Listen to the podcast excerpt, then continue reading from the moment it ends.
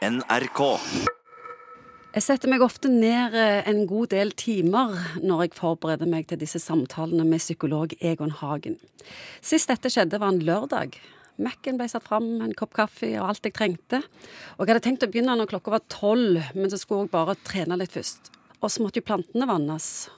Og sette på en vaskemaskin. Og så begynte jeg å planlegge en ferie jeg ikke skal ha før i høst. Og Egon Hagen, hva skjedde da? Ja, da har du drevet med utsetting, eller prokrastinering som det heter på fint. Unngå, avoid the pain. Ja, ja. Jeg holdt på å si hvorfor gjør vi dette, men det høres ulogisk ut. Avoid the pain. Ja, det, Ja. Det, det er ting som er vanskelig, og som vi vet er krevende. Husk på, vi er i utgangspunktet litt sånn energiøkonomiserende. Vi er kanskje litt makelige.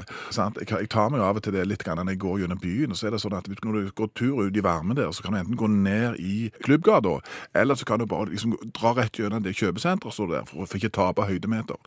Og da ser jeg at noen ganger så utsetter jeg meg for alle disse utrolig kjedelige kvinneplaggene for uh, å ikke tape høydemeter, så vi unngår ting som krever litt av oss. Men da er det noe, det er noe som heter tomatotimer, det er et lite tips. Det? Det er en sånn liten greie som du kan ha på mobilen. Jeg brukte den da jeg skrev doktorgrad. Da skal du skrive i 25 minutter, og så er det en liten pause.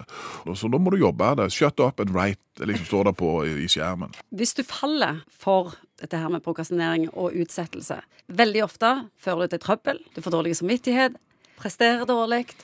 Hvorfor gjør likevel ni av ti studenter eksempel holder på å utsette alt det de skal gjøre? Ja, Noen er jo sånn at de må, de må vente helt opp til eksamen før liksom, trykket blir så stort i beholderen at de sier nå må jeg faktisk gjøre det. Men det er jo sånn at, at disse livet våre de lever jo i en balanseforhold mellom spenning og avspenning. Mellom behag og ubehag. Og noen ganger, hvis vi bare er i det behagelige, hvis vi bare er i avspenninga, så er ikke det spesielt lurt.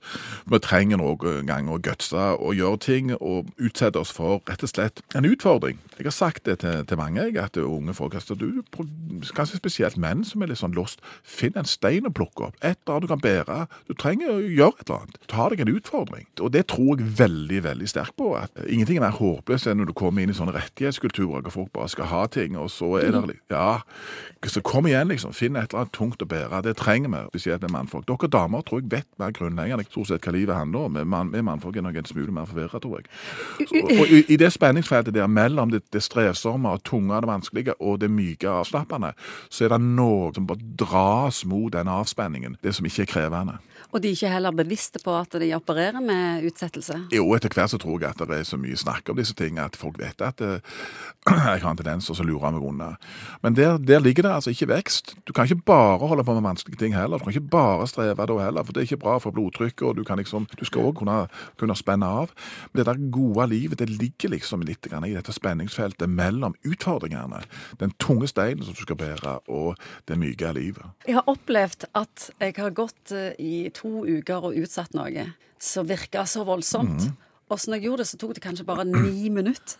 Ja, Men det har ødelagt meg i Sa- to Ja, uker. der sier du det er akkurat poenget. Hvis du oppdager at du har brukt så mye tid og krefter for å gå rundt med det som er utfordringen, så kan det ha vært som en stein i skoen i disse to ukene, mens du kunne fått den ut i løpet av ni minutter. Ta tak, bli ferdig med det og få det gjort.